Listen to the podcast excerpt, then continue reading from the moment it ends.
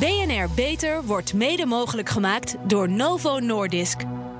BNR Nieuwsradio. BNR Beter. Hanke Pijpers. Leidt een gezonde lunch op school tot gezondere kinderen? Mijn gasten denken van wel en doen onderzoek om dit te bewijzen. Op drie scholen wordt een gezonde lunch aangeboden. Heeft dit het gewenste effect op kinderen en zouden alle scholen dat moeten doen?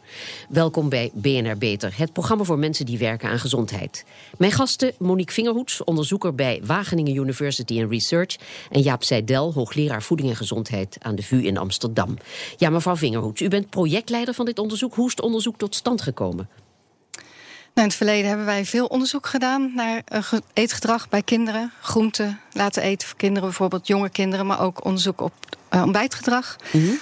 En wij denken dat de lunch een hele goede kans is, omdat alle kinderen naar school gaan. En nou ja, wij ontmoeten Jaap en zijn collega en hebben dit samen opgezet. En Jaap was de ideale kan, uh, kandidaat, want al jaren voorvechter van het principe jong geleerd is oud gedaan. Dus ja, en ook omdat uh, wij natuurlijk uh, al jaren zien dat het niet beter wordt met de voedingsgewoonten van de kinderen. Mm -hmm. En ze eten nog steeds veel te veel suiker. Hun eigen lichaamsgewicht aan suiker dat is een mooi dramatisch cijfer. Ja.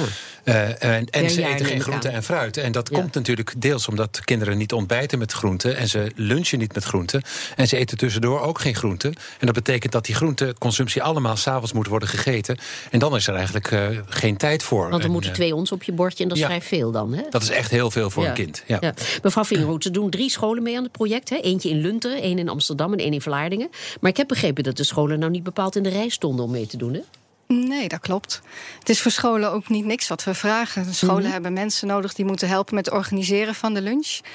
En de werkdruk op scholen is al vrij hoog. Ja. Dus dat was eigenlijk een van de belangrijkste redenen dat scholen um, niet echt stonden te juichen toen we langskwamen. Maar de ja. scholen die meedoen zijn wel heel erg gemotiveerd om er wat van te maken. Ja, en, en wilden ze ook niet eerst weten of het echt werkt? Of waren ze meteen overtuigd?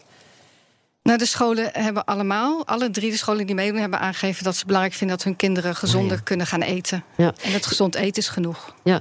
Twee van de drie scholen die meedoen, die staan in zogeheten achterstandswijken. Verwacht u daardoor ook nog verschillen te zien in uw onderzoek? Ja, dat verwacht ik zeker. In die wijken gaan kinderen minder vaak met een goede lunch naar school dan in andere wijken. Ja. Dus daar is veel winst te halen. Ja. ja. Want hoeveel kinderen gaan er wel met een goede lunch naar school?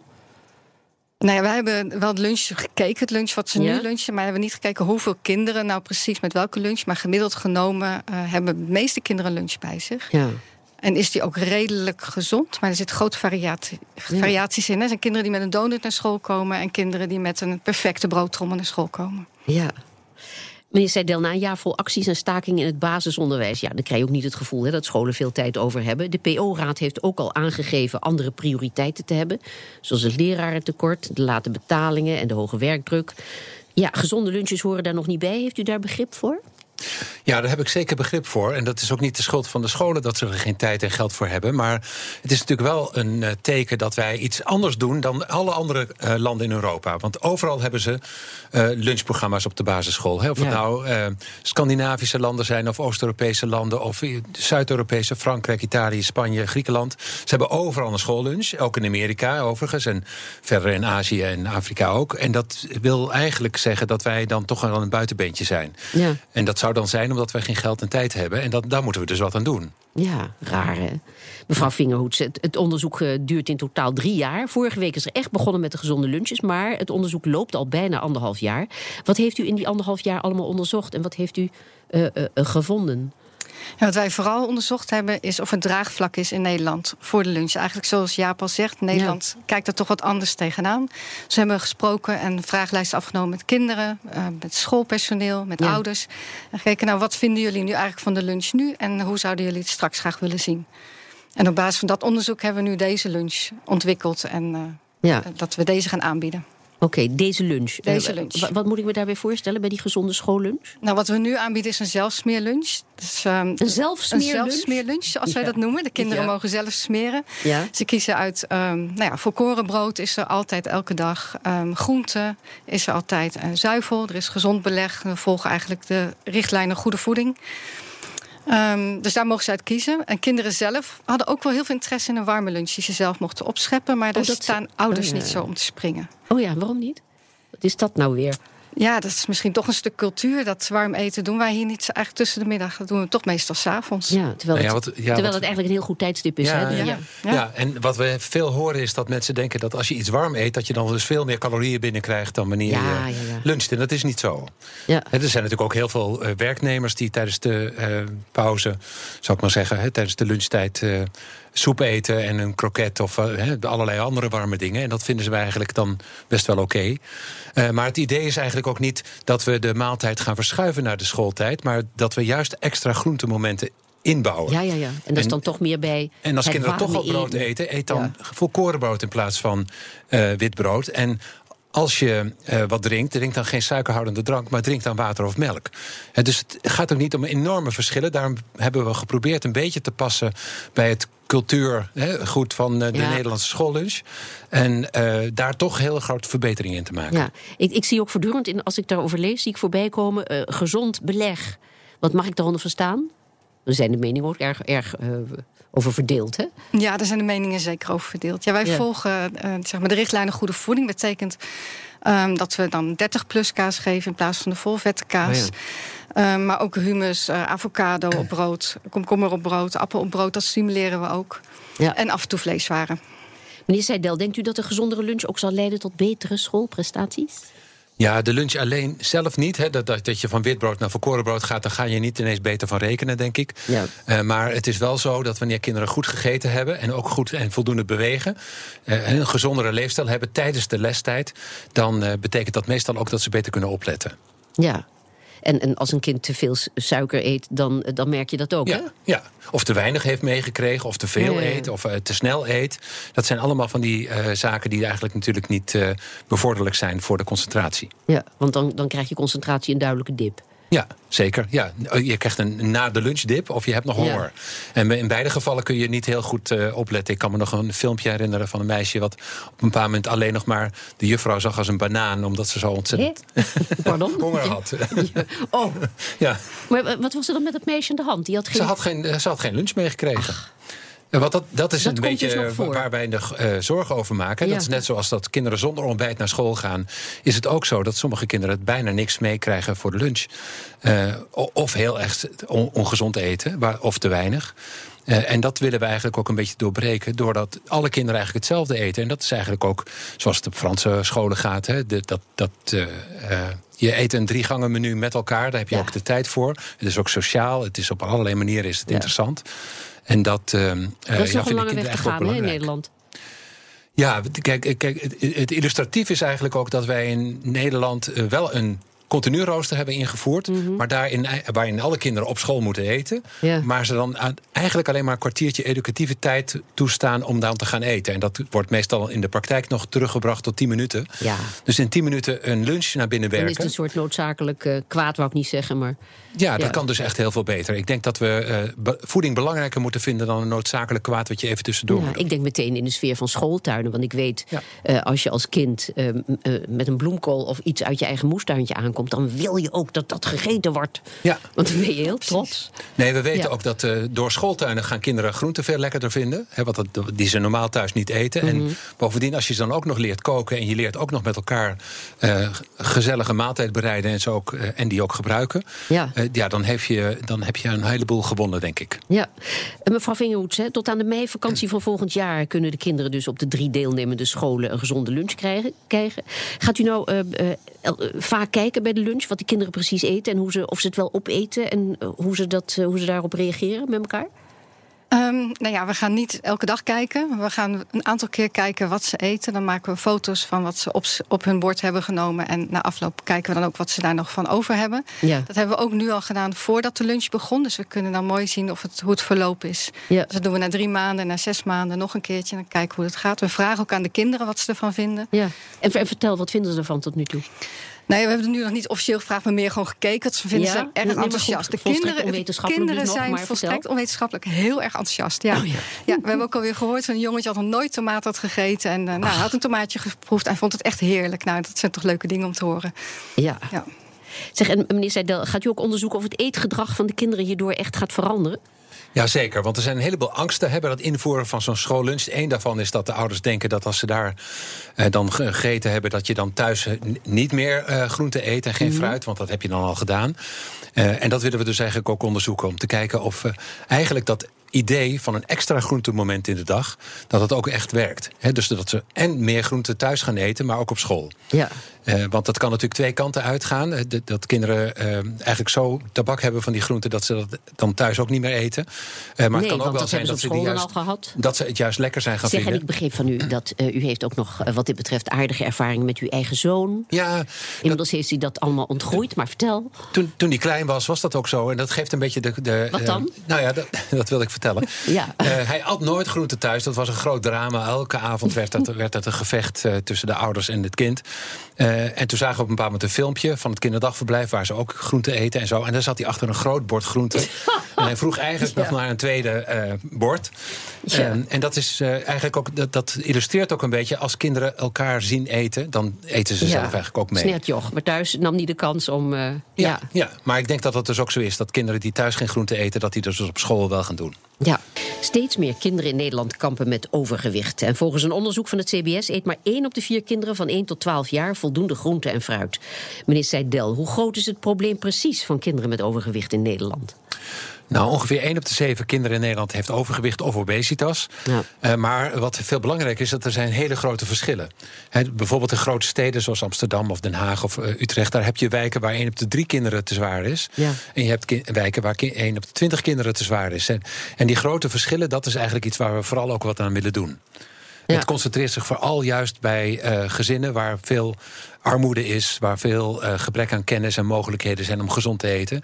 En juist daar zou die gezonde schoollunch denk ik een, eh, een hele goede oplossing voor Ja. zijn. Nou wijst u scholen er al jaren op hè, dat ze kunnen bijdragen aan de gezondheid van kinderen. Heeft u werkresultaat? Ziet u inmiddels iets van verbetering? Jazeker. De- Dus eh, eh, een voorbeeld is eh, de Amsterdamse aanpak gezond gewicht hier in, Ja. in Amsterdam. Waar de jump-in scholen, zo heet dat dan. Dat zijn geloof ik 120 basisscholen in Amsterdam. Eigenlijk alleen maar toestaan dat kinderen water drinken als ze op school zijn. Ja. Als ze dorst hebben. En er is meer aandacht voor bewegen. Er is meer eh, aandacht voor gezond eten en voor tussendoortjes en dat soort zaken. Ook voor tractatiebeleid. Dus je ziet geleidelijk aan en wel dat scholen dit belangrijk gaan vinden. Ja, mevrouw Vingerhoed, steeds meer scholen in Nederland die hebben een eh, zogenaamd continu rooster. Hè, wat betekent dat kinderen meer en meer op school gaan eh, lunchen. Is het daarom ook een logische stap dat die lunch ook door de school wordt verzorgd? Ja, dat was precies de aanleiding dat we Oké. dit nu gingen doen. Met, juist met scholen met continu rooster. Ja. Waarbij het probleem nog wel is, wat Jaap al even aankaart, Ja. is de korte lunchtijd. Want een kwartiertje is eigenlijk wel heel kort om rustig je lunch Ja, te kunnen is, eten. is dan een gezonde lunch of een gezonde manier van eten nog wel haalbaar? Eh, nou ja, nou, wij, wij eh, hebben bij die scholen eigenlijk ook voor elkaar gekregen dat ze wat meer tijd eh, nemen daarvoor. Oh, toch? Ja. Ja, ja want ik, ik heb, kinderen weten daar nog wel wat op. Hè? Want ik heb ook gelezen dat eh, kinderen eetwedstrijden houden. Lijkt me ook niet helemaal de bedoeling. Toch? Nee, het is eigenlijk heel veel proppen. En ze krijgen dat, Ja, eh, dat trommeltje proppen. brood eigenlijk ook niet leeg meestal. Dus dat betekent dat ze ook weer hongerig naar huis gaan... en dan alsnog daar weer thuis weer wat moeten gaan eten. Ja. Dus het is gewoon niet ideaal. Hè? We hebben dat, dat invoeren van dat continu rooster... niet heel erg goed doordacht, denk ik. Hè? Ik denk dat het te vroeg begint. Dat, ze komen midden op de middag, Ja. zijn ze vrij...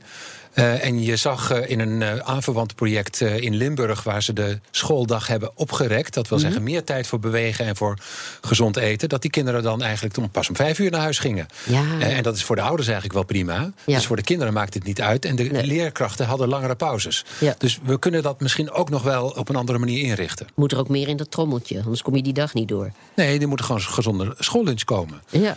Ja. Ja, precies. Ja, want het, goed, de lunch op school. Maar goed, het is allemaal beter natuurlijk. Want die eetwedstrijd is allemaal beter dan die rare ballen die van het brood werden gedraaid. en vervolgens tegen het bord werden gesmeten. Want dat heb ik destijds nog meegemaakt. Maar ik heb het nu over mijn ver verleden, dames en heren. maar goed, dat was ook in die tijd ongelooflijk smerig brood. Hè? Weet u dat nog? Ja, dat weet ik nog. eh, dat Ja. kinkornbrood. gadver. Ja, Ja, wat was dat erg. Een Ja. belediging voor kinderen. Ja. In veel Europese landen is dus een lunch op school al heel normaal. Vertel, welke landen gingen ons voor? Nou, bijna alle landen. Hè. Ja. In de meeste landen is al vanaf de jaren 40, 50 eh, eigenlijk een, eh, een gratis schoollunch eh, de standaard. Soms is er een kleine bijdrage van de ouders Ja. en soms een inkomensafhankelijke bijdrage. En er zijn natuurlijk ook wel voorbeelden van waar het zo onbezuinigd is, als- zoals in Engeland toen de tijd in de jaren 90 Ja. en 80, waarbij mevrouw Thatcher het had geprivatiseerd en uiteindelijk alleen maar rommel werd ge- geserveerd. Maar er zijn heel veel voorbeelden. Jamie Oliver is, heeft ja, ja, ja. ook dat. Maar Ja. kijk, in Frankrijk waar ze eigenlijk ook meer belang hechten aan gezond Mhm. eten, denk ik, en, en, en goed eten. eh, daar hebben ze eigenlijk al standaard een door diëtisten uitgerekende drie gangen maaltijd elke dag. En dat wil zeggen, je gaat met eh, rauwkost en salade krijg je vooraf, dan een maaltijd met vlees of vis of vegetarisch en dan fruit na. Eh, en dat betekent eigenlijk dat, eh, dat kinderen dan al eigenlijk een heel groot gedeelte van die aanbevolen hoeveelheden binnenkrijgen. Ja, het is ook een, een, een, kwestie van cultuur en van opvoeding. En dit hoort erbij. En, eh, Ja, mijn Franse collega's staan met afgrijzen te kijken naar die Oh, trommeltjes die in acht minuten naar binnen worden gewerkt. Die zeggen ja, het is helemaal niet zo raar dat de kinderen hier zo ongezond eten natuurlijk. Ja. En dat is als je van buiten komt, is het vrij onbegrijpelijk hoe dat tot stand gekomen is. Ja, die Nederlandse traditie waar we vanaf moeten. Mevrouw Vingerhoed, uw uiteindelijke doel is om met het onderzoek naar gezonde schoollunches te bewijzen dat elke school in Nederland dit zou kunnen invoeren. Maar wie moet het gaan betalen? Nou, we hebben dat in ieder geval gevraagd aan de ouders eh, in de vragenlijst. En ouders zelf vinden dat zij daar een bijdrage aan moeten leveren. En toch ook de overheid. En ja, zo zie ik dat eerlijk gezegd zelf ook. Ik denk dat het goed is als ouders wat bijdragen. eh, eventueel een inkomensafhankelijke bijdrage. Maar ik denk dat hier ook zeker een taak voor de overheid ligt. Ja, en, en heeft de levensmiddelenindustrie hier ook een rol in of een belang? Nou, dat lijkt mij niet. Nee. Nee, nee. Dat hebben we ook gevraagd, dat vinden ouders ook niet. Nee, nee. Dus dat, eh, Want dat speelt wel een rol bij, eh, bij het onderzoek. Want zo is Albert Heijn een partner van jullie, heb ik begrepen, hè, toch? Ja, dat klopt. Ja, dat wel. En er is ook inmiddels wel weer kritiek op het onderzoek. Want daar zouden vooral belangen van wetenschappers en ondernemers mee gediend zijn. Reageert u daar eens op? Nou, dat wil ik wel doen. Kijk, Ja. eh, wij hebben een aantal partners die de schoollunch eh, leveren aan de school. Dat is de Kweker en het Groene Hart. Ja, boerenhart. Boerenhart. Ja, Boerenhart, en, eh, oké. Schoolsoepie. Schoolsoepie. En dat zijn kleine ondernemers die eigenlijk lokaal voedsel produceren... en dit eigenlijk ook op die manier aan de school leveren. Mhm. Eh, en verder zitten er, er, erbij, eh, omdat de lunch nou eenmaal gaat over volkorenbrood... en eh, melk en water en groente en fruit... Ja. zitten dat soort partijen er ook bij. Hè? Dus het groente- en fruithuis is ook een deelnemer. Ja. Maar dat beschouw ik nou niet als een, zeg maar de voedingsmiddelenindustrie. Dat zijn eigenlijk gewoon de basale producenten van de, de schijf van vijf producten. Ja, het en enige die verschil is moet je dat wat je dan normaal van, van, die, van die leveranciers in je trommeltje zou hebben, dat eet je nu op school. Als het Ja, is. precies. Dus in plaats van witbrood eet je nu volkorenbrood. Ja. En ja, daar zitten niet enorme belangen achter. Ja, Ehm, ja er, eh, volgens de overheid, ja, volgens u, eh, volgens u zou de overheid een veel grotere rol moeten spelen in het aanbieden van gezonde lunches, meneer Seidel? Ja, en dat zeg ik niet alleen. Hè. De, de, de Wereldgezondheidsorganisatie heeft ook vorig jaar een door alle ministers van Volksgezondheid ondertekend document gemaakt over hoe krijgen we nou eh, een, ja, een goede aanpak van al die chronische welvaartsziekten. En niet alleen overgewicht, Ja. maar ook diabetes en hart- en vaatziekten en al die andere ellende die ons land overspoelt en heel veel kosten met zich meebrengt. En dat was onder andere door gewoon goede standaarden te hebben voor over wat kinderen op school eten. Dat vinden ze eigenlijk overal belangrijk. En dan niet alleen. hè, Het, het geldt natuurlijk voor thuis en het geldt ook in de recreatie en het geldt op school. Ja. Eh, en het geldt ook op het werk en zo. Maar die school eh, is absoluut ook een eh, belangrijke eh, setting waar je dit soort dingen kunt eh, regelen. Ja. Zeg, nou zit het Nationaal Preventieakkoord van staatssecretaris Blokhuis eraan te komen. Hè? Eh, dit akkoord speelt daarin een voorname rol? Ja, nou dat akkoord dat wordt eh, gesloten door allerlei maatschappelijke partijen en het bedrijfsleven. En eh, waar veel aandacht voor is, is dat ook die schoolomgeving inderdaad betrokken wordt bij het gezonder maken van de jeugd. Ja. Eh, maar een gezonde schoollunch staat er niet nadrukkelijk in, omdat eigenlijk de overheid vindt dat scholen dat zelf mogen beslissen. Ja, ja. Oké. Ja, nog iets, nog een laatste punt van discussie. Want uit een recent onderzoek onder ruim duizend ouders van kinderen tussen de 8 en 16 jaar blijkt dat een ruime meerderheid, zo'n 82 procent, vindt dat het voornamelijk de verantwoordelijkheid is van de ouders om hun kinderen te leren hoe ze verstandig en gezond moeten eten en drinken. Ja, wat vindt u hiervan, mevrouw Vingerhoms? Nou, er ligt zeker een verantwoordelijkheid bij de Ja. ouders. Maar Alleen ik kun je denk, constateren dat ze dat tot nu toe niet zo goed lukt, hè? Nou, sommige ouders wel, Wel, anderen ja. wat minder. Maar ik denk dat, we als, dat de overheid ook mag helpen om het ouders en kinderen wat makkelijker te maken. Hè? Dus eh, door geen snackbar in de buurt van een school te zetten. Of een supermarkt die de vette hap al naast de middelbare school heeft staan, bijvoorbeeld. Ja. Dat gaat natuurlijk niet helpen. Dus ik denk dat de overheid daar ook wel een rol in heeft. Niet alleen de ouders. Ja. Nou ja, misschien kan ik nog wel aanvullen. Dat, eh, nu is het zo dat eh, er grote verschillen zijn in gezondheid tussen kinderen. Hè. Dat, dat zie je al in overgewicht en dat soort eh, eh, zaken. En eigenlijk zijn, eh, is de gezondheid en de gezonde voeding van kinderen nu afhankelijk van of de ouders wel of niet kennis en vaardigheden Ja. en mogelijkheden hebben.